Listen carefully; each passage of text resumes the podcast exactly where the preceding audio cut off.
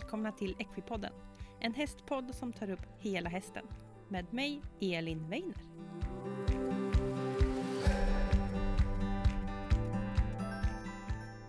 Hej alla fantastiska Equipodden-lyssnare och välkomna till veckans avsnitt av Equipodden.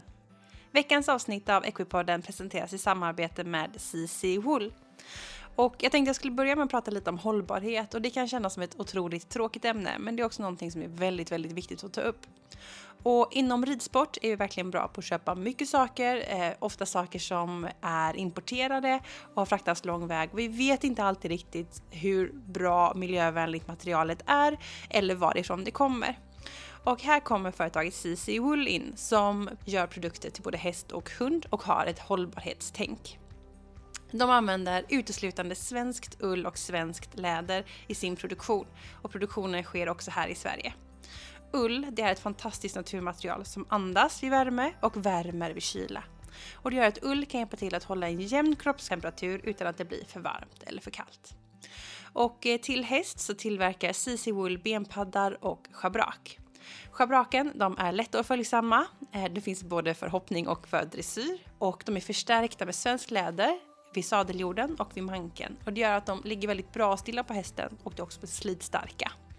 Benpaddarna är mjuka och fantastiska att använda som stallbandage. Jag tycker att de är lätta och följsamma att arbeta med och det blev inte knöggligt när jag har satt på dem och jobbat med dem, vilket jag tycker är jätte, jätteskönt. Så letar man efter produkter som inte är importerade och inte är ett, av ett material som är hållbart för vår miljö, då kan CC Wool verkligen vara ett alternativ.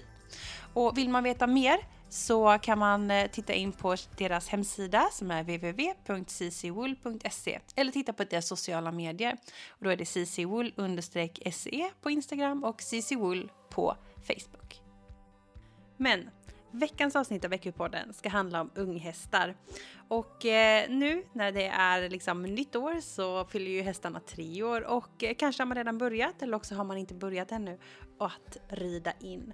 Och det här är ju liksom, det är en ganska stor grej, det lägger grunden för hästen och det kan också vara väldigt, väldigt svårt. Så jag åkte ner till Skåne och träffade Camilla Axelsson som driver Stall Axelsson. Och de är grymma på inridning. De rider in eh, väldigt, väldigt många hästar varje år. Och eh, vi pratade om just hur man rider in. Vi pratade om vad ska hästen kunna, hur ska man börja och gör man vecka för vecka.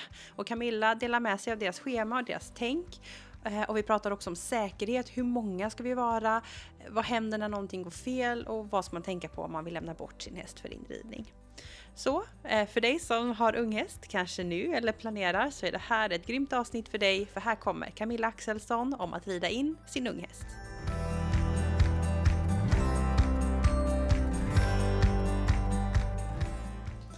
Så, då hälsar jag välkommen Camilla Axelsson. Hej! Hej! Vi sitter i snöoväder faktiskt, när jag tittar ut. Mm. I Skåne är vi va? Ja. Hemma hos dig? Ja. Och du driver ju stall Axelsson. Ja. Och eh, ni håller på med unghästar. Precis. Så eh, vi ska prata unghäst idag och mm. dagens avsnitt ska handla om inridning. Men jag tänkte Camilla att du kan få börja och berätta lite om vem du är och hur du hamnade med unghästar. Mm.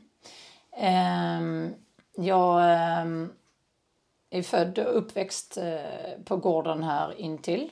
Uh, mina föräldrar har fött upp hästar själv eh, från början. Och, eh, även min moster har fött upp ganska mycket hästar och då har det blivit att jag hjälpt till att rida in och utbilda och visa på treårstest och visa mm. på kvalitetstävlan när jag var eh, tonåring och sådär.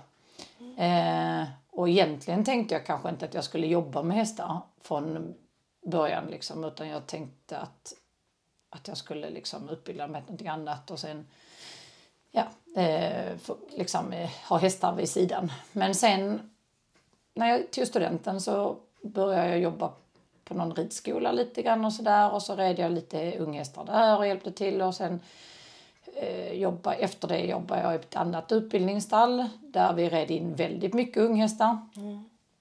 Och eh, jag tyckte det var roligt och det är skoj med utvecklingen liksom och se dem hur de utvecklas mm. och det gör de ju väldigt snabbt i, i så ung ålder. Mm. Och även där visade vi en del hästar.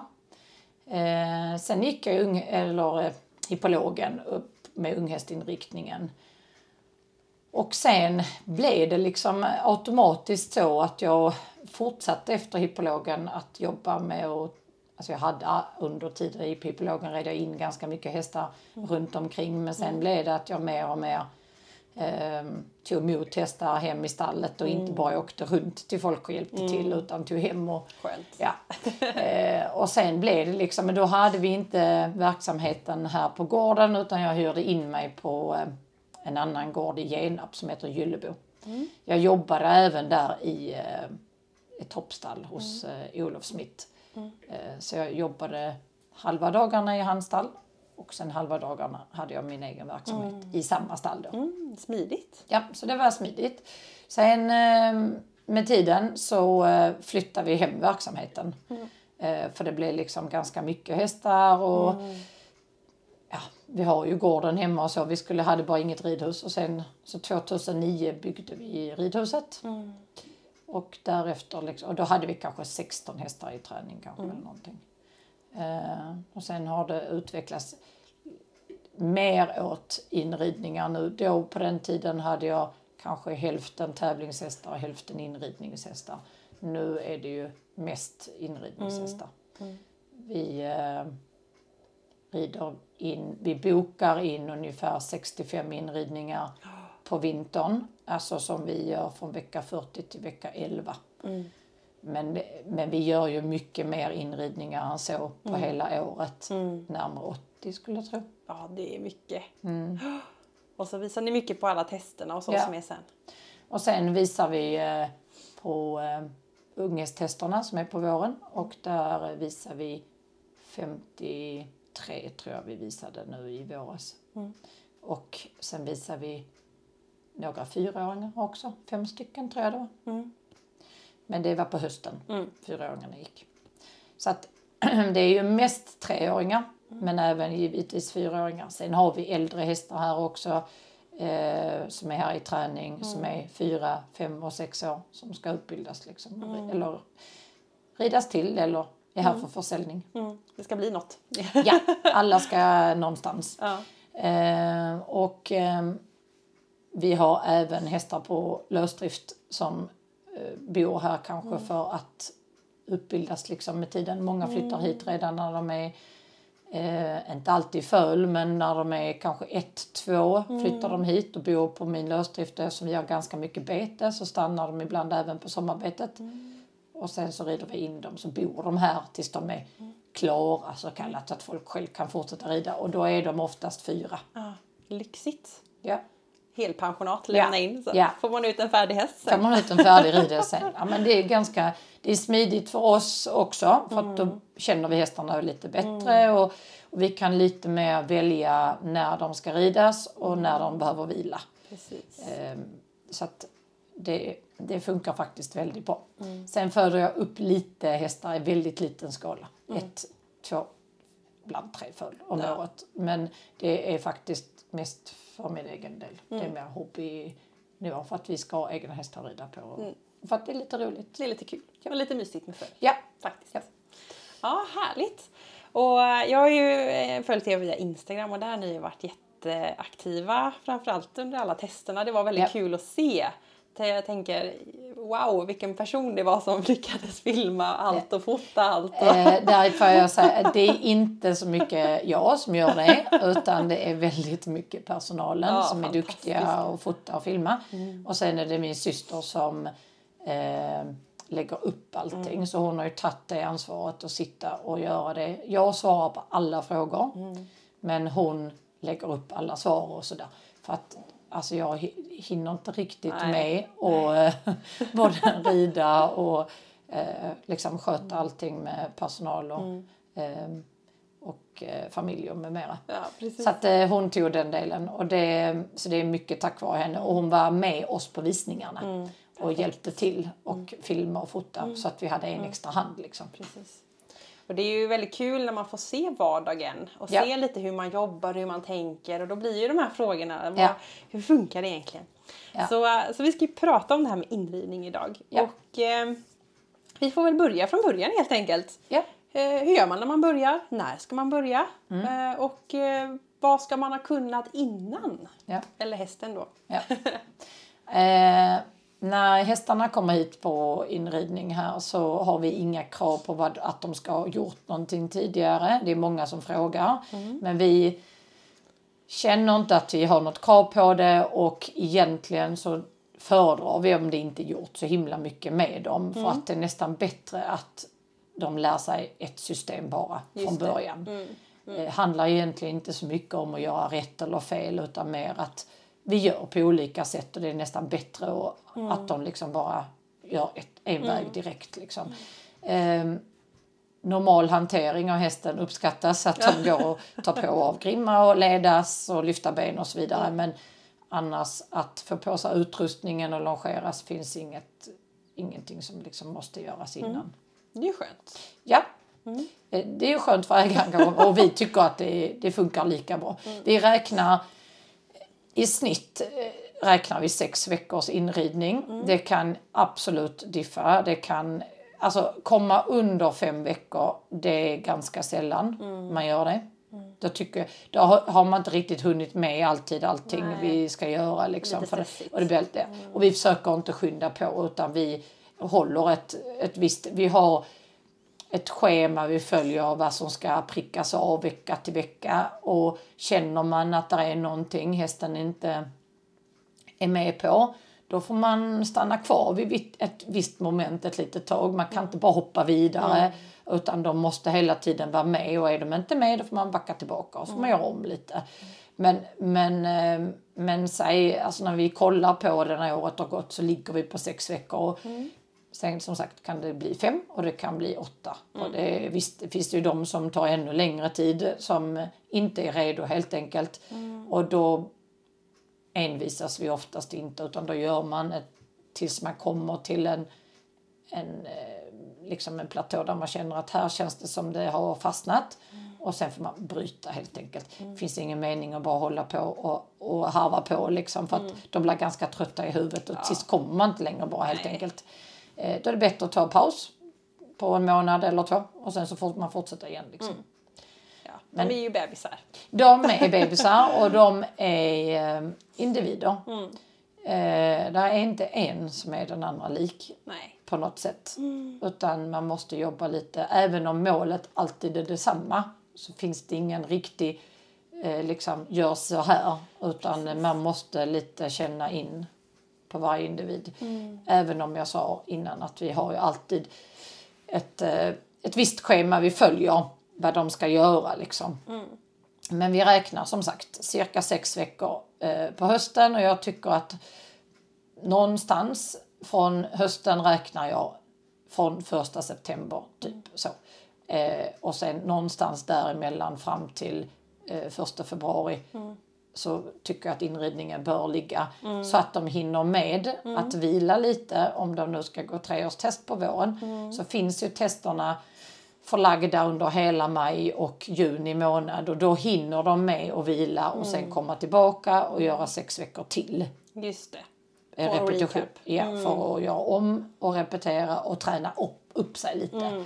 Och sådär liksom eh, inför visningen. Och för att hinna med sommarbete. Precis. Ja, men det låter klokt. Ja. Så börja någon gång på hösten och så fram nu då. Ja. Tidig eh, vår, vinter Ja. får man väl kalla den här Jag årstiden. brukar, alltså, jag räknar här i vårt system liksom så räknar jag inridningsperioden från vecka 40 till vecka 11. Det betyder inte att, att vi kan ta in en ny häst i vecka 11 för då krockar det med de andra utan jag menar att vi ska vara klara till vecka Precis. 11. Eh, så att sen givetvis kanske det är någon häst som drar över lite så. Alltså det går ju. Alltså, Men vi kan inte ta in nya hästar. Nej, precis. Vi kan inte börja på noll Nej, det, det går inte. Utan då ska vi börja om med dem där i mars liksom, som kommer, som ska visas då, första vändan. Spännande. Ja. Så där har vi liksom grunden. Och Ja. när en häst kommer till er, eh, eller när man tänker när som man ska rida in en häst. Eh, den går att hantera, vi kan leda den, vi kan lyfta hovarna och kanske ta på ett täcke eller någonting. Var, var börjar man någonstans? Vad är första steget? Det vi alltid börjar med, jag, alltså jag kan säga det är väldigt få som har haft ett täcke på sig. Ja. Och det är jag egentligen glad för för att jag tycker att hästarna ska få vara hästar. Alltså de ska få päls och de ska gå ute och de ska, vara ute så mycket som så det, Utan det enda de oftast har haft på sig det är grimman. Eh, och när de kommer hit så börjar vi redan eh, dag ett. Om den kommer på söndagen så börjar vi på måndagen att longera dem med träns. Eh, och då tränsar vi utanpå grimman. Eh, och alltid med sådana Novabett. Bara vanligt gummibett. Rakt gummibett. Gummibett, ja. Mjukt. Mjukt. Det är bara eh, dag ett. Och när vi longerar så är vi alltid på en av, avdelad plats, en volt. Mm. Longervolten eller inne i ridhuset där vi har gjort en volt. Ja. Så att det inte kan åka iväg. Ja, framåt. de, och, för att, de fattar inte att vända runt och, eh, och, och då hamnar man i här att man måste dra liksom. Och det, har man en volt så följer de staketet naturligt och det, det blir inte så krångligt. Sen eh, dag två upprepar vi tränset på och men då tar vi oftast på en täckesjord. En elastisk jord. Eh, bara för att de ska känna att någonting sitter om magen. Sen dag tre, och nu är jag på onsdagen, för nu räknar jag att hästarna kommer på söndagen. Det gör de inte alltid, men ganska ofta gör de det här. De kommer på helgen. Liksom. Onsdagar har vi löshoppning.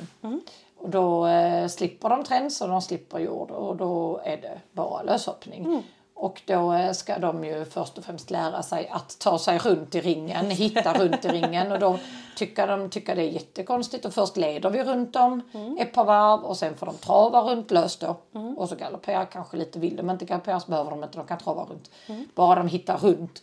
Och att de lär sig att de ska stanna på kortsidan och Just stå still där nere. Och då tar vi inte dem utan vi ställer en person Ja, liksom hållar in så. Ja, Så att de känner att här ska du bara stå och vänta. Och så får de stå still en stund och sen ändrar man lite med bommarna och så får de hoppa runt ett varv så stannar man igen. Så egentligen handlar det mer om att de första, första tillfällena att de ska hitta runt i ringen och göra halt och stå still där när jag väntar och så ändrar man lite och så hoppar de runt. Så. Onsdagarna gör vi det. Torsdagen longerar vi igen med träns på fast nu tar vi på en voilock och en eh, tömkörningsjord. Det är vi alltid väldigt noga med det att vi använder en re- resårjord. De här tömkörningsjordarna som ingår när man köper jordarna de använder vi sällan för att de är stumma. Så vi sätter på en dressyrjord som är elastisk i båda sidorna. Sen eh, när de har gjort det på torsdagen så brukar, om det gått bra och de inte tycker det är jätteläskigt. Alltså till 90 procent är det inte någon som bryr sig. Utan eh, tycker egentligen mest longeringen i sig är ganska... De flesta tycker den är lite jobbig. Det är jobbigt att springa runt och de tycker det är svårt. Varför ska jag runt hit? Alltså, och, och, och svårt oftast att byta till högervarvet. Man leder i vänster och i höger tycker de är krångligt. De förstår inte. är Nu, där nu är det fel håll tycker de. Och så vill de tillbaka till vänster. Förutom det så brukar faktiskt inte det vara ett problem att få på utrustningen. Om där är någon som tycker det är konstigt när du väl kommer med voilocken och jorden och drar den och så. Då upprepar vi samma igen på fredagen. Är det ingen som tycker det är konstigt då får de sadel på fredagen. Och den låter lite mer. För den, kåporna rör sig lite och så. Men, och den är lite tyngre. Finns en del som tvångar lite. Händer inte jätteofta. Jag tycker inte det. Det är någon ibland som precis när de ska springa iväg lite så. Tycker det läskigt. Eller tittar bak lite. Men det är inte jätteofta. Faktiskt inte. Inte när man gör det så här stegvis. dagarna efter och stegvis. Men vi, vi är ganska noga med att vi inte bara gör liksom nästa steg utan att vi känner att, att det känns bra. Liksom. Men eh, nu, nu tar jag rent generellt när det, Precis. när det går som det När det ska. funkar. Ja. Sen eh, vecka två, så på måndagen gör vi samma igen. Eh, Har de haft sadeln på fredagen så har de sadeln på måndagen Vilar igen. de över helgen? De så? vilar alltid på helgen. Ja, skönt. Ja, helt vila på helgen. Mm. Och då går de igen samma schema, det vill säga jobba måndag, tisdag, löshoppa onsdag, Mm. jobba torsdag, fredag. Och men veckan som kommer, vecka två här nu, nu använder vi samma igen. Träns, träns och sadel igen och sen går vi över till ett vanligt bett här. Måndagen, tisdagen någonstans och sen börjar vi även sätta på någon inspänning och då gör vi det väldigt löst. Och oftast longerar det vi gör först. är att longerar de först en liten stund så de har sprungit fram lite, att de är lite varma. Och att de tänker framåt liksom. Och sen sätter vi på inspänningen i ena varvet bara. Man behöver inte, vi sätter inte bara på inspänningen direkt när vi kommer ner utan när de är lite förvirrade utan man låter dem först få springa en liten stund, stannar de, sätter på dem sätter på inspänningen ganska löst och sen så liksom bara att de får känna lite att det är något litet motstånd. Eh, s- och, men som sagt, vi by, anledningen till att vi byter till ett vanligt bett nu det är att de här Nova-betten, alltså de kan funka väldigt bra att rida på annars och så. Men det vi har märkt är att de väldigt lätt kan lära sig lägga tungan över bettet för de är så mjuka och lite hala. Så att vi, eh, om det är någon häst längre fram som man känner att de trivs med att rids, ridas på det, då går vi tillbaka till använda det. Men just det här nu gör vi inte det. De betten vi använder, eh, förr använde vi väldigt mycket eh, de här Golden Wing Stubbens bett, men eftersom de inte är godkända längre Just att det är bara hoppning de är godkända i. De är, du får inte ha dem på treårstest längre. Det fick man nämligen innan. Nu får du inte ha det heller. Inte på breeders och inte när du tävlar. Och så. så att nu har vi gått över helt till att använda sprängersbett istället. Eh, med D-ring. Tvådelat eller tredelat med D-ring. Anledningen till att vi väljer att ha D-ringen och, så, och likadant när vi hade Golden Winged bettet det är att det ligger väldigt still. Precis. Eh, har- stöd. Ja, lite stöd. Och sen när du ska longera och tömköra så mycket som vi gör och du har ett vanligt bett med lös ring så blir de gärna nypta av eh, ringen. Om man inte sätter på bettplattor såklart. Det kan man göra. Det går ju lika bra om man nu vill det. Men vi har valt att ha sprängerbetten. Risken minskar i alla fall. Ja, och, ja verkligen. Och där är ingen, när vi har sprängerbetten så funkar det jättebra. För de ligger still liksom. Så att vi... eh, Och, och sen går de inspänningen den veckan, kanske måndagen, tisdagen och torsdagen. Samma sak där.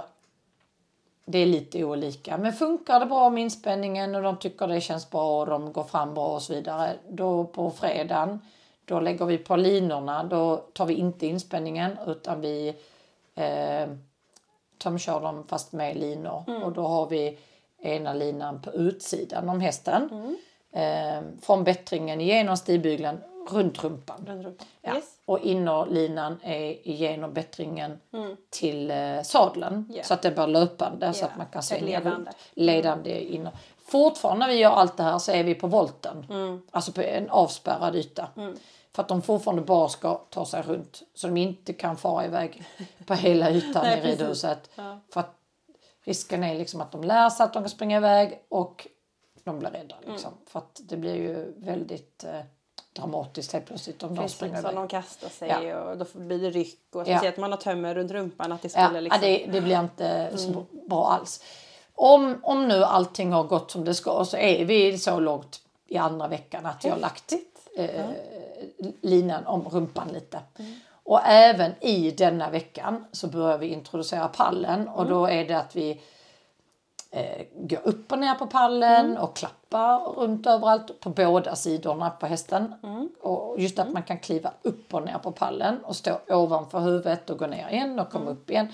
Vissa tycker det är jätteläskigt när du närmar dig så. Du går upp och ner.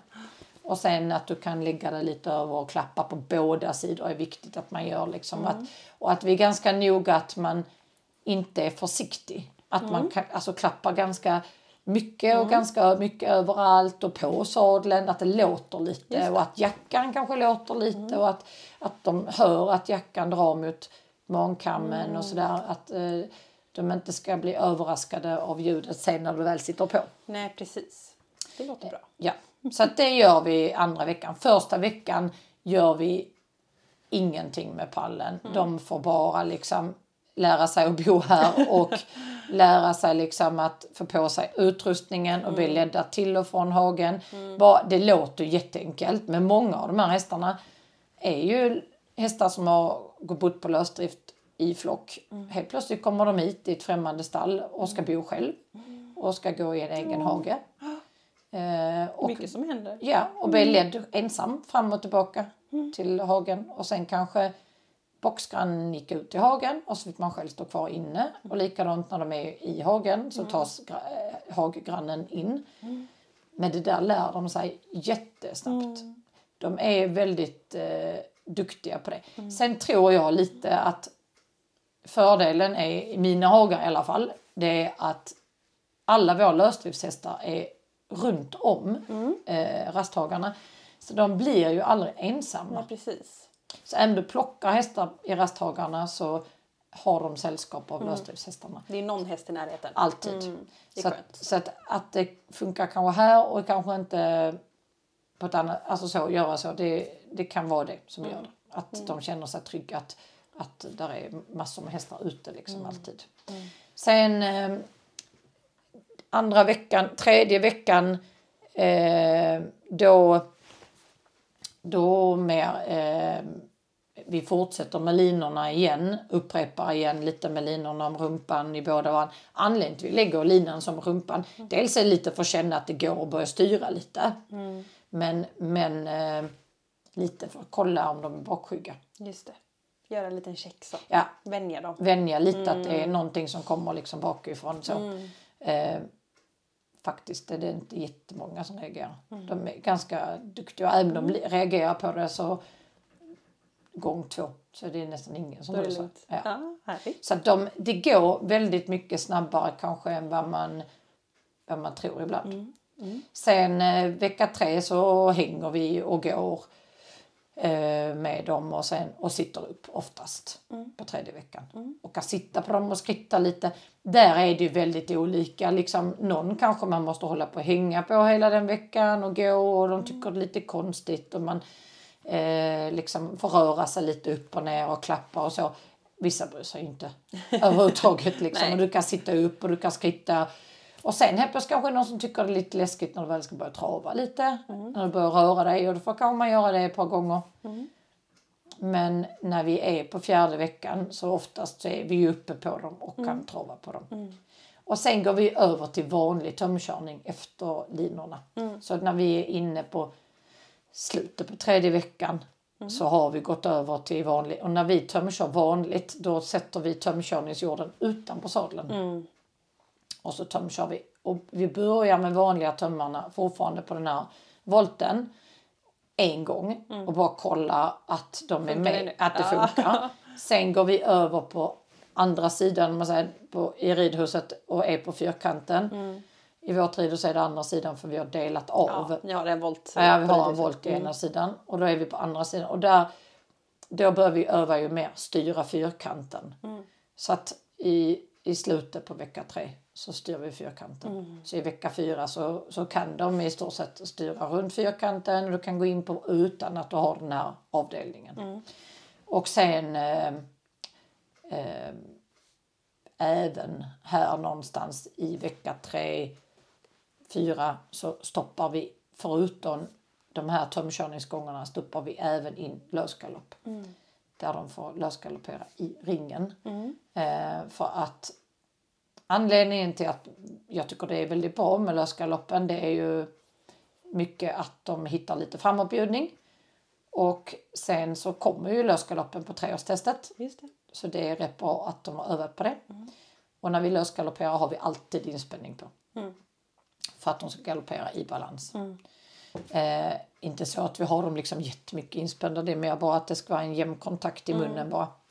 Eh, och att de hittar liksom rytmen och balansen i galoppen. Och att vi galopperar. De får inte själv bestämma. Vi har alltid samma ring uppe som när man löshoppar. När vi lösgalopperar. Så att den är 3,5 meter eh, bredd. Liksom. Och där eh, börjar, kör vi ena varvet och sen byter vi till andra varvet och ibland byter vi tillbaka igen några gånger. Så. För att de ska öva på att vända runt och så ner. Och viktigt liksom att de blir avspända där. Fördelen är också tycker jag att när man ska börja rida dem lösa ibland att de inte styrningen alltid är helt hundra. För att det är samma där. Vissa är jätteduktiga direkt och förstår när man styr liksom. Och vissa tar tid. och även om ibland att de, när de fattar på tömmen så är det inte alltid de fattar när du kommer upp på dem. Men då rider vi även i den här ringen ibland. För då slipper du att styra, då följer de ringen. Precis, de kan den vägen. Ja, och har man då lösgalopperat dem innan så kan du alltså bara hoppa upp och rida runt i ringen sen. Smart. Ja. Så att det, och det gör vi i vecka tre och fyra. Alltså nästan alla är ridna i ringen en gång. Nästan alla. För att när vi ändå har lösgalopperat så har vi hoppat upp och ridit när vi ändå har ringen uppe. Ja, smart. Ja. Så att när vi är på vecka fyra som sagt då är vi i stort sett uppe på alla, alla liksom. Och sen kanske under vecka fem och sex så gör vi, rider vi lite till och sen är de i stort sett klara liksom. Så när hästen är klar då kan den, eh, man kan ha ryttare på sig i alla gångarterna. Ja. Och man kan ha kontakt Ja, och svänga. ja, Typ. ja. Men vi rider, eh, när vi rider dem så rider vi aldrig i hela mitt ridhus för att det är 60 meter. Jag tycker det är lite för stort. Det blir väldigt långa sträckor för dem att springa. Ja. De blir väldigt trötta. Ja. Och sen har vi två ingångar vilket gör att de ska först passera den ena ingången och sen är det bara några meter så är det en ingång till. Och där vi har porten blir liksom ett hål och då vill de gärna titta där liksom och tycker det är lite läskigt. Så vi, har, vi rider inte i den änden där utan vi delar innan. Så vi rider bara på 20-40 yta. Eh, och sen rider vi alltid med piskförare på marken. För att de ska alltid bjuda framåt Lära dem det. lära dem att man bara, man bara går fram och man bara följer fyrkanten. Inte in i mitten och vimsar runt och, och det är rätt gångart och så vidare. Men har man tömkört dem och styrt på fyrkanten och har lösgalopperat dem i ringen då är det väldigt enkelt sen att få dem att följa runt. Och sen när vi byter varv så byter vi ju snett igenom bara. Och då flyttar sig bara piskförarna och då förstår de det. Och följer runt. Stora härliga svängar. Ja. Det låter ju ganska enkelt. Ja, det gör det. Ja. Ja. Alltså, jag tror att har man liksom ett system så, så vi jobbar, vi följer och vi som är och jobbar, vi tre som jobbar med inridningarna hela tiden. Och samma personer hela tiden. Då, eh, då, då, då vet hästarna liksom vad som gäller och vi vet vad som gäller. Och vi gör liksom upprepar. Och som sagt blir det problem någonstans då får man bara stanna kvar eller gå tillbaks och göra om. Och problem det blir det. Det, det är alltid någonting som, som blir besvärligt. Men då får man bara gå tillbaka och göra om och så man rättar lite. Och så. Men oftast går det faktiskt ganska smidigt. Härligt. Så mycket från marken Ja. och eh, lite uppsuttet också. Ja, Eh, både longering och tömkörning. ja, Och eh, lösgalopp. Lösgaloppen är ju härlig. ja. Och sen en liten inspänning på det. ja. För att få lite fart. Exakt. Alltså, de, jag tycker lösgaloppen gör ju det hela. Liksom, tömkörningen är jättebra för styrningen och kontakten och så vidare. Och att de blir liksom vana vid att det är linor, att det är någonting Händer grejer. ja, runt om dem hela tiden. Men, men lösgaloppen är jätteviktig. Att de förstår det här och springer framåt. Ja, men det känns som att ni har tänkt mycket på alltså, den här första perioden får man ändå tänka att man ska förbereda hästen för hela livet. Ja. Det är mycket som Ja. ska hända. Ja. Och som du sa där att vi lägger eh, tömmen runt rumpan och ser den lite bakskygg eller hur reagerar den Ja. på det? För att det kan mycket väl hända Ja. om ett år eller två eller om tio år. Ja. Så att man vet och hur Ja. man kan hantera saker. Ja men det är klokt tänkt. Ja. Men eh, så de går fem dagar i veckan eh, och så vilar de på helgerna. Ja. Så mycket varierat. Ja. Vi pratade lite om utrustning. Vi pratade om träns och bett. Ja. Mm. Jag tänkte fråga lite om sadel. Eh, För sadel behöver man ju ha när man sitter på. Ja. Och eh, unghästar växer mycket och det händer grejer. Eh, och ni har ju mycket hästar. Ja. Hur ska man tänka när man ska ha en sadel? Ska man prova ut en sadel? Ska man ha padd? Och vad händer när de ändrar sig? Hur tänker ni just Mm. kring sadeln? Eh, alltså sadeln är ju... Det är alltid... Det, det, är inte alltid, men det kan vara svårt på unghästarna för att de är ju inte så färdiga liksom i kroppen. En del är ganska mycket överbyggda och manken kanske inte är så utvecklad liksom, och bogarna är lite små och ibland är de till och med kan vara tjocka på mitten så de puttar sadeln framåt. Det är inte så enkelt alltid men jag tycker ju att vi har inte så stort problem av det för att dels har vi lite olika sadlar. Vi kan använda lite olika, eh, passar inte den ena så passar den andra. Eh, sen kanske de inte alltid ligger optimalt. Men vi rider ju inte på det viset. Alltså de hästarna ska ju, de är ju här för att introduceras i ridlivet. De är ju inte ridna på det viset sen. När vi väl skickar hem dem så är de ridna i skritt, trav och galopp. Och de, du kan ha en pisk och du kan eh, ha kontakt med munnen liksom och så vidare. Och de får stå framåt och så vidare. Men de är ju inte, det är inte så att vi har suttit och trimmat på dem. De är ju uppsuttna och ridna i alla gångarterna. Men de är kanske inte ridna mer, mer än i alla gångarterna i båda varven mer än kanske tre gånger när de väl är klara. Ja. För då har de varit sina sex veckor här och de är ju trötta. Och det behövs inte mer. De är ju inte mer än två och ett halvt år. Nej, de är små. Ja. Och även nu de som kommer nu fast det är nytt år liksom så är de fortfarande inte tre. Det är ju Nej. en bit kvar. Ja. Så att, och, och när vi ska rida dem inför treårstestet sen så rids de lite mera men fortfarande inte mer än uppsuttet kanske en, två dagar i veckan. Sen gör de annat. Så att det är ju inte...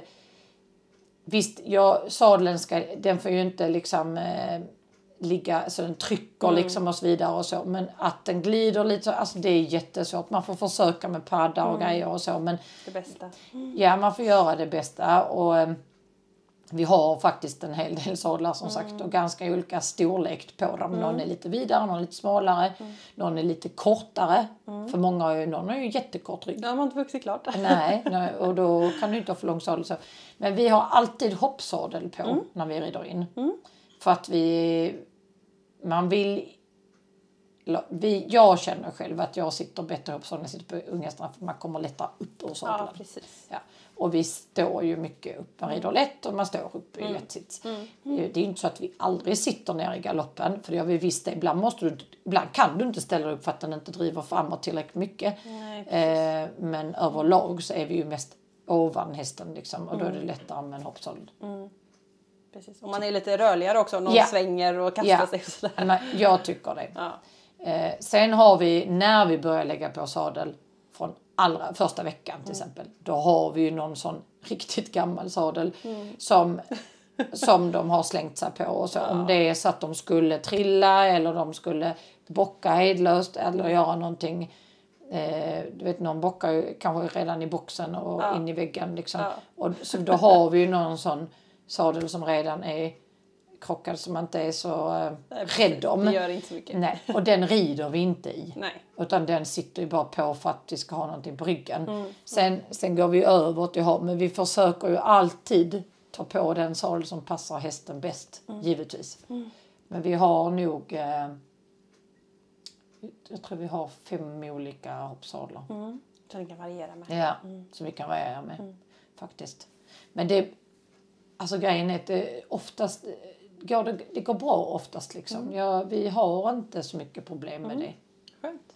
Och jag tänker sen när ni skickar hem hästarna, när tycker ni att det är bra att skaffa en bra sadel till sin häst liksom?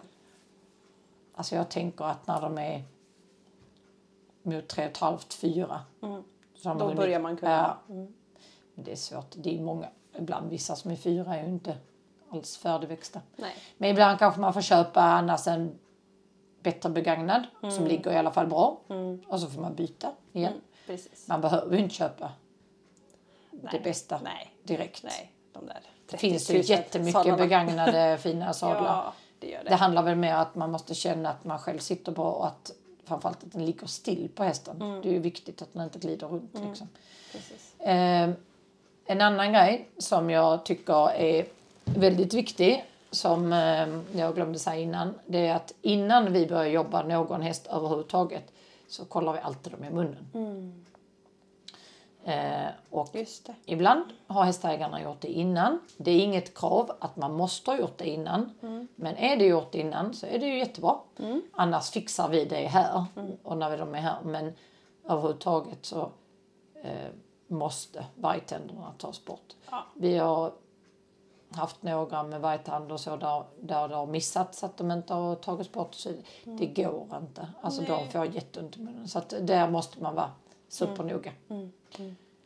Och, eh, och det är lite lurigt ibland för att ibland kan man ha en vargtand Och sen kommer inte den andra vargtanden förrän lite senare. Och så tror man att den bara hade en. Och så har, det, har hästägaren tagit bort en vargtand hemma och sen kommer den hit ett par månader senare. Och så börjar vi jobba den och så tror vi att det är fixat. Att det är klart. Ja. Och så Och dök det är lite lurigt. Ja. Så att, och, men vi, vi kollar ju givetvis också själva. Men det är någonting som är väldigt viktigt att tänka på. För att jag har förstått att det missas ganska ofta. ja. ja. Eh, och det, det kan ju ställa till det. Verkligen. Ja, men det, det är lurigt Ja. med de där lilla extra tanden. Ja. Där, helt onödan. Och vi har haft några stycken, ganska många med tre vargtänder. Ah, shit. Det Ja. har jag inte hört om. Nej. Men där, jag vet en som hade, fick en sprucken vargtand. Ja. Och så fick de ju operera ut var någon flisa kvar. Ja, Och det, det, är det som då. händer. Och den de var har- ju tre och den var, jag träffade den när den var fem tror jag. Fortfarande lite sådär. Det sitter Rädd kvar om så munnen, länge. ja. Ja. Mm, vi har Helt haft onödan. några så som där vargtanden har gått sönder. Där bettet har tagit sönder den. Fy. Och då, då kan de eh, åka upp i, ta- och då måste du operera ut dem. Så att det är viktigt, verkligen. Och vi är noga med det, att alla är kollade i munnen. Jättebra. Ja. Eh, jag tänkte jag skulle fråga också eh, om foder. Ja. Eh, nu pratade vi innan vi spelade in att ni har så himla bra eh, Ja. hö här. Så. Ja. Men, vad, vad tänker man med foder när man ska rida in en häst? Alltså från att gå kanske man har gått på lösdrift och då äter de ju där. Ja. Mm. Till att de plötsligt kanske ska stå på box och man ska börja jobba dem. Hur ska man tänka? Alltså, här, vi, vi producerar eget hö och vi, på lösdriften här så får de bara hö. Vi har väldigt bra hö så de klarar sig bra på höet. Ehm, när de är här på inridning så har de fri tillgång på hösilage. Vi har ehm, eh, vi fyller på liksom hela tiden eh, så att de har liksom obegränsat för att de ska ha mycket sysselsättning också tänker jag. Dels för att de är inte vana att jobba. Det kräver Eh, mycket. Ja, det går mycket energi och sen mycket för att de ska, ja som sagt, eh, sysselsätta sig.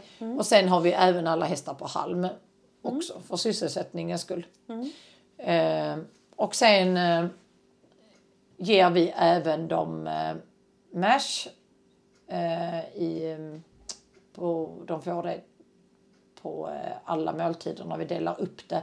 Jag fodrar med i Forms eh, eh, foder och då har de en eh, fibermash som togs fram eh, 2018 för, med mycket lucern i då när det var torka.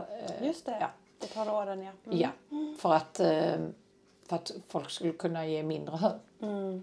Så det är väldigt mycket, Smart. Ja, mycket fiber i den. den är, det är kli och lucern i den. Mm. Det vi har märkt är att hästarna blir väldigt fina i hullet på den. Mm. Och väldigt blanka. Så att de, eh, där är mycket protein i det. Så att vi, har gett, vi ger faktiskt mashen. Så dels ger vi den för att det är bra för magen. För att det är mycket fibrer i den. Och dels är det lite olja och salt och lite så i. Men och sen eh, för hullet faktiskt. Att ha- har vi någon som är lite smalare så har vi gett extra. Gasa på lite. Ja, och de, eh, de, de blir jättefina på den.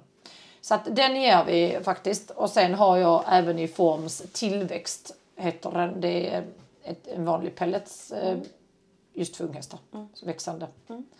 Eh, den ger vi inte så mycket av. Eh, de får mest för att, för att de ska eh, äta upp mashen. Ja. De är väldigt glada för pelletsen. De tycker den är väldigt den är god. god, Ja. ja. Men eh, ibland är inte alla alltid som är så glada för mashen i början. För att jag tror det är precis, all lucern är ju de lite så, den är nu lite besk och sådär. Men, men eh, det slutar alltid med att alla är helt tokiga i den. Gott. Ja. Och sen tänker jag att de får i sig lite extra vätska. Lite vätska ja. Mm. Det är bra. Så att eh, peppar så, man ska inte säga för mycket men vi har väldigt lite kolik Skönt. mot kanske förr. Alltid förr när det blev vinter, när det blev, det blev kallt så dricker hästarna lite sämre och jag tror mycket att det är att unghästarna som kommer från lösdriften ibland eh, jag ser ju på lösdriftshästarna här att när det är väldigt kallt ute så dricker de inte så mycket. Nej. För de gör ju inte av med så... Nej. Och det kan vara inget problem när de inte jobbar så... Mm. Eh, liksom inte gör så mycket. Nej, Nej, utan då de, kroppen då, och de rör sig konstant. precis. Men när du sen plockar in dem, de står still på box Mm. och de jobbar liksom. Och de, visst, de är i rasttag och så, men det är inte den... Inte samma som lösdrift. Nej, det är inte de timmarna. Och Mm. de kommer in och står still och vi jobbar dem och Mm. de har tjock päls och svettas. Så tror jag ibland att de förstår inte riktigt hur mycket de behöver dricka. Mm. Eh, och där hade vi liksom problem ibland Mm. på hösten. Förstår jag. Så att nu, som vi börjar med mashen och sen ger vi alltid extra salt i maten. Eh, så har det faktiskt gått väldigt bra. Att de dricker verkligen ordentligt. Alltid när de har ätit upp så går de bort och dricker. Mm. Bra. Det Ja. är ju ett jättebra tips att, Ja. tänk, att tänka på. Ja.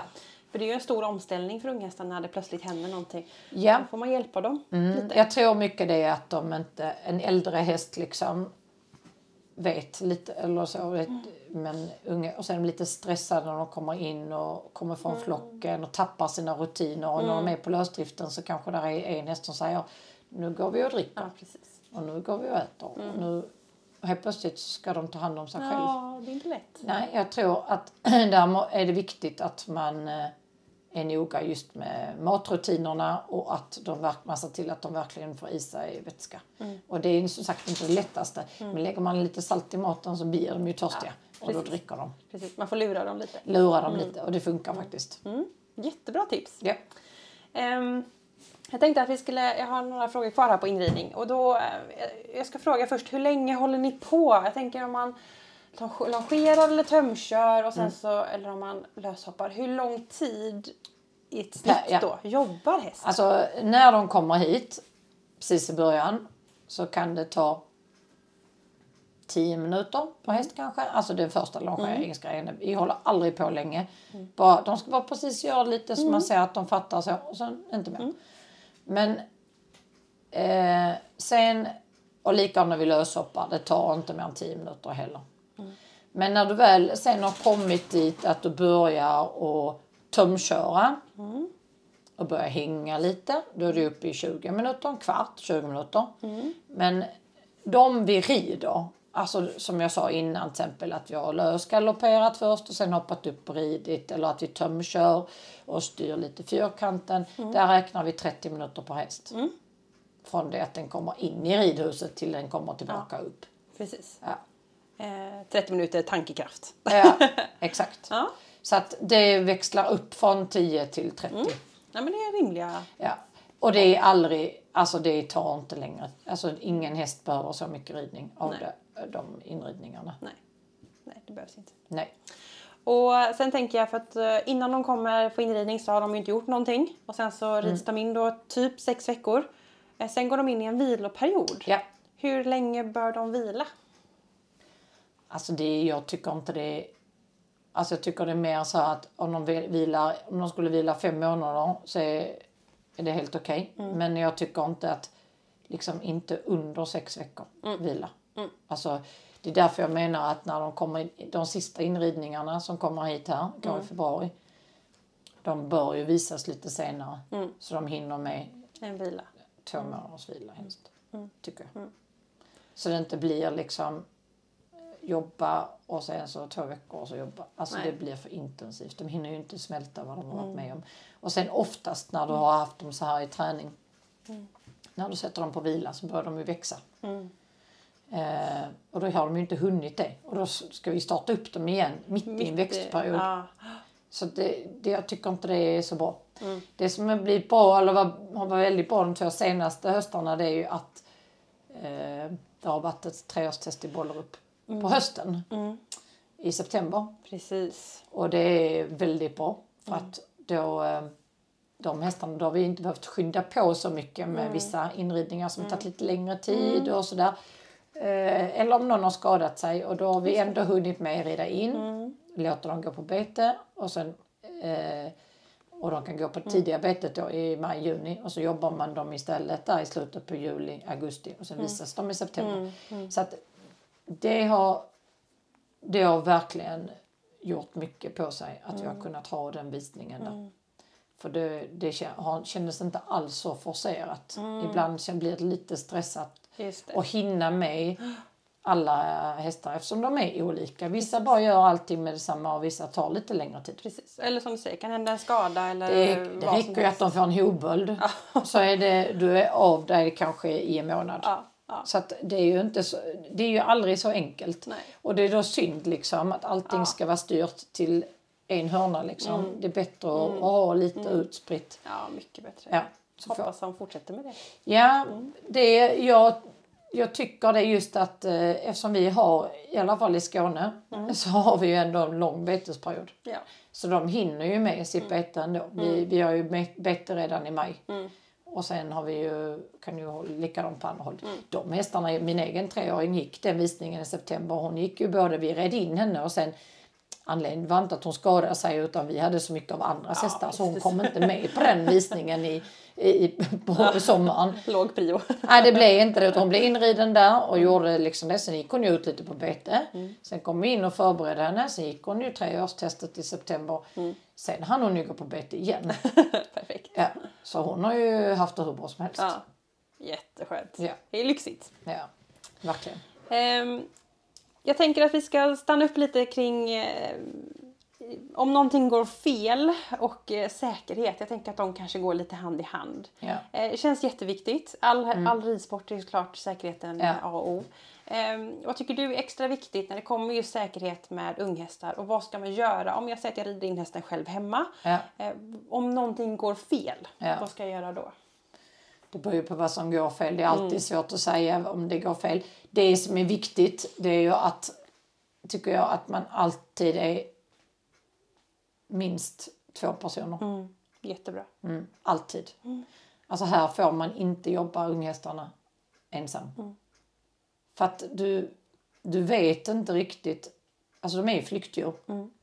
Och det är inte bara att du kan bli påsprungen eller bli sparkad eller sådär utan du kan ju både bli skadad och hästen kan bli skadad och, och det kan eller att eh, hästen kom på att den kan göra någonting. Att, du, att den stannar och ska inte gå eller den vänder och springer på fel håll. Eller, alltså helt enkelt, man behöver vara två personer. När vi börjar med inridningarna, bara den här vanliga longeringen med träns och det jag sa första veckan och så i- om inspänningen, då är vi alltid två.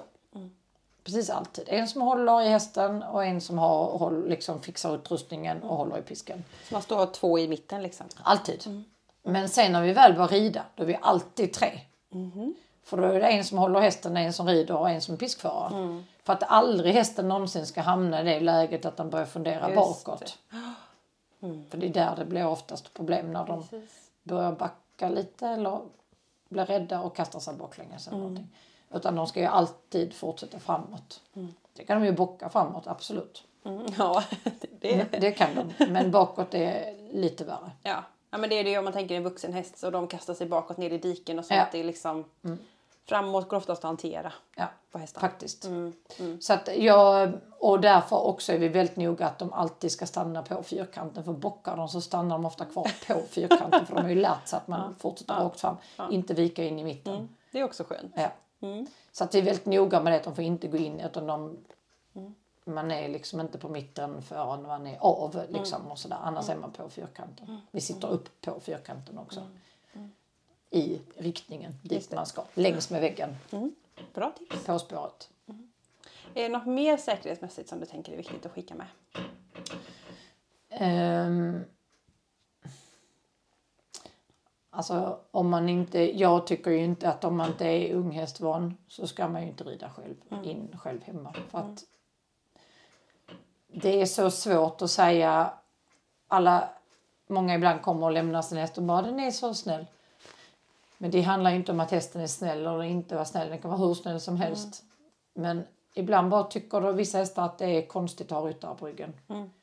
Eh, och de kan reagera väldigt konstigt och väldigt oberäkneligt. Ja. Och fast vi gör detta varje dag med så många hästar så vet man fortfarande inte. Nej, precis. Det kan gå snabbare än vad man tror. Mm. Och när man minst anar det. Så att man, man ska inte vara själv och jag tycker inte man ska chansa liksom. Aldrig chansa liksom utan alltid eh, vara ganska säker och gjort sakerna en, ganska många gånger innan. Inte bara jag ska prova och se om det går att sitta upp. Man ska liksom ha hängt några gånger och känt att den är... Och gärna att den har fått bli lite... Det är därför jag säger att när vi klappar grejer, den får hellre bli lite rädd ett par gånger, vet, hoppa till eller så, så man får en reaktion. Så att man vet hur den reagerar. Så att man kan ta hand om den reaktionen och kan liksom eh, stanna den och klappa på den och så fattar den att ah, men det var inte för, värre än så här. Det, det finns ju inget värre än när du smyger dig på en häst och sen så kanske du har lyckats ta dig upp men den är egentligen inte medveten att du är där. Nej, För den precis. står och tittar på grannen typ Ja, eller någonting annat. Och sen helt plötsligt får den syn på dig. Ja, Ja, sen släpper den ju inte upp dig där igen. nej. För de är flyktdjur och de vill ju inte ha något på ryggen. Mm. För att Det de, det sitter i... nej, men det är inte så överlevnadsmässigt. Nej, Så. Mm. de måste, det, det, man måste vara själv medveten om att de måste vara medvetna Mm. om var du är någonstans. Det är bra. Och att du alltid håller på på båda sidorna. Vi hänger inte och går på båda sidorna. Mm. Men vi står på pallen på båda sidorna och vi går över på andra sidan och klappar och hoppar och Mm. Låter det. flaxar och grejar på båda sidorna. Och när vi hänger så klappar vi mycket på högersidan. För det är ofta den sidan de reagerar. För vi är mindre på höger sida än på vänster sida. Ja, precis. Vi, vi är ju väldigt noga med säkerheten och håller samma system hela tiden. Precis. Och det är ju både vår del och för hästarnas del. Ja. Viktigt. Väldigt viktigt. Nej, men det är bra det du säger. Mm. Eh, och jag, jag sitter bakom dig i ridhuset så jag ser dem gå med hjälm och handskar och, Ja. och, och grejer. Ja. att, eh, Och det är viktigt att man har en säker hjälm som Precis. tåler att, att man ramlar av och slår huvudet. Mm. För att när det är unghästar så flyger man oftast inte så snällt av utan man flyger ju verkligen av om Ja. man flyger av. Och det är inget mål att flyga av Nej. för de blir jätterädda. Så att Men allt kan hända. allt kan hända. Mm. När man minst anar det. Precis. Vi flyger väldigt sällan av. Men det kan ändå hända. Eh, så att säker hjälm och handskar. Ja. Och bra, bra skor. Så man inte Ja. pajar fötterna Precis. om de råkar hoppa på dig. Mm. Sen kan man inte ha, jo man kan absolut ha väst på sig. Men då får man ha en smidig väst. Ja. Tjocka västar, det blir nästan värre. Ja. Mm. För att du blir så otymplig. ja, utvecklingen på västar har ju gått framåt. Ja, ja verkligen. nu finns det ju jättesmidiga Ja. och bra västar att ha. Ja. Men framförallt liksom att man eh, eh, man måste ha en plan liksom när man håller på med inridningarna Mm. och, och att man verkligen är eh, försiktig och inte försiktig att man är försiktig på hästen, smygandes försiktig utan Mm. Nej. att man verkligen tänker till Tänker vad, till vad man gör. Och sen kanske inte ta in en inridningshäst i ett ridhus när 50 andra människor Nej, galopperar nej, runt. Utan de behöver lugn och ro. Vi är väldigt noga när vi sitter upp och rider. Mm. Då är ingen annan just där när vi, håller, de första, rid- när vi rider de första gångerna. Mm. Eh, inte förrän de kommer hit igen Mm. till treårstestet och rids igen, rids de med andra. Men just nu så är det fullt upp för dem att förstå att de ska runt på den fyrkanten Precis. och så vidare. Och, och sånt kan säkert vara jättesvårt för att jag tänker att många ska kanske åka till ett ridhus och rida och så kommer de dit och så är det en massa folk och så tänker man ah, det får gå ändå Ja. och så går det inte så bra. För hästarna vill ju inte springa från de andra. Alltså det kan bli det kan bli att antingen blir den jätterädd för de andra hästarna Mm. för att de kommer springandes mot den. Och springer en häst mot dig, det betyder det vänd och spring. Precis, faran är ju åt det hållet. Ja, Mm. du ska vända och springa för den kommer du attackera. Så att dels blir det konstigt när du styr mot en annan häst innan de liksom har fattat att de är med dig. Och sen blir det också konstigt när de ska springa från de andra hästarna för att de är ju flockdjur. Så därför är det inte så lämpligt att börja så förrän de förstår att de är med dig. Att de fattar framåthjälperna och fattar eh, liksom att de ska bli i handen på spåret. Precis. Var ridhäst. Ja. Och det tar tid. Ja. Och, där, och börjar de förstå att de ska trycka mot de andra hästarna och tänka bakåt, sen har man liksom skapat sig ett problem. Just det, då är det uppförsbacke. Den är jobbig. Mm, verkligen. Ja, jätteintressant. Det är viktigt och intressant att höra ditt tänk på säkerhet. Jag tänker att vi ska börja avrunda Ja. och eh, då har vi en fråga kvar. Ja. Och det är en lyssnarfråga och eh, då är det en lyssnare som skriver så här. Vad ska man tänka på om man ska lämna bort sin häst på inridning?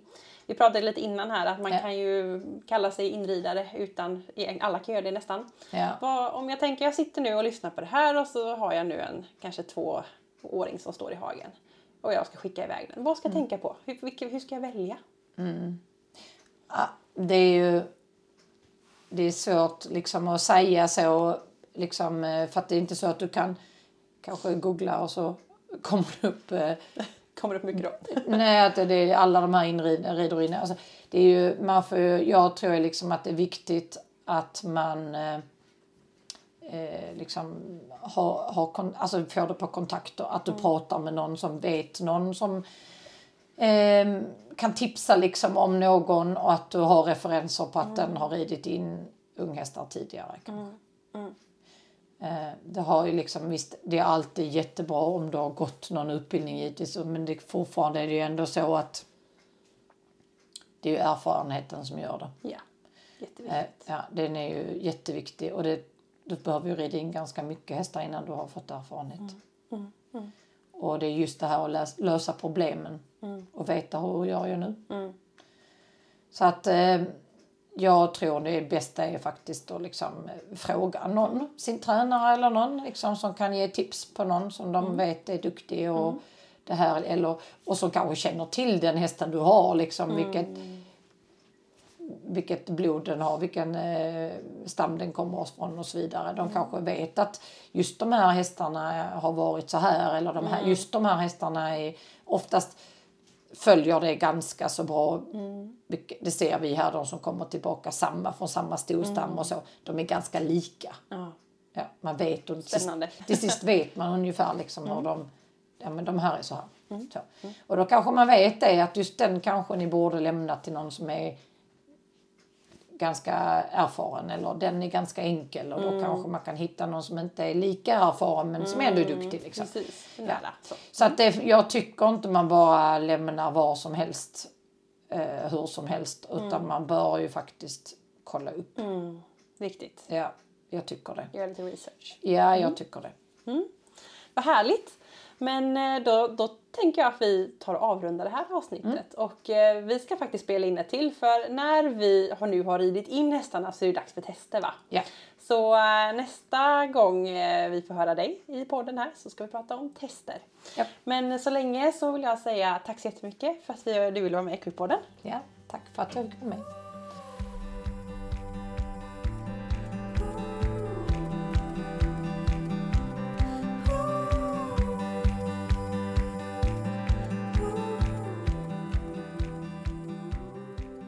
Stort, stort tack Camilla för att du vill vara med i Equipodden. Och vill du som lyssnar på det här se mer, då kan jag rekommendera att gå in och följa dem på sociala medier. Och då är det Stall Axelsson på Facebook och på Instagram. Och eh, undrar du vad Camillas bästa stalltips är? Då, då ska du gå in och följa Equipodden på sociala medier. För nytt för i år, det är att jag kommer fråga gästerna en fråga som man inte får svara på i podden utan som finns på sociala medier. Så kika in på Equipodden, finns på Facebook och Instagram för att lära dig ännu mer och få ytterligare mer ut av poddavsnitten och vad som mer av mina gäster. Nästa vecka är det lite mer dressyrtema när eh, jag träffar en otroligt intressant person som eh, är tränare, ridlärare i botten, håller på med dressyr, eh, lite av en entreprenör, verkligen en ja, framstående person som, alltså jag tyckte det var så himla spännande och intressant. Så jag avslutar, avslöjar inte mer utan håll utkik nästa vecka här i Equipodden. Så ja, ut i skogen, eh, ha ett härligt ridpass, pussa din häst lite extra så får ni ha det så bra så hörs vi snart igen. Hej då!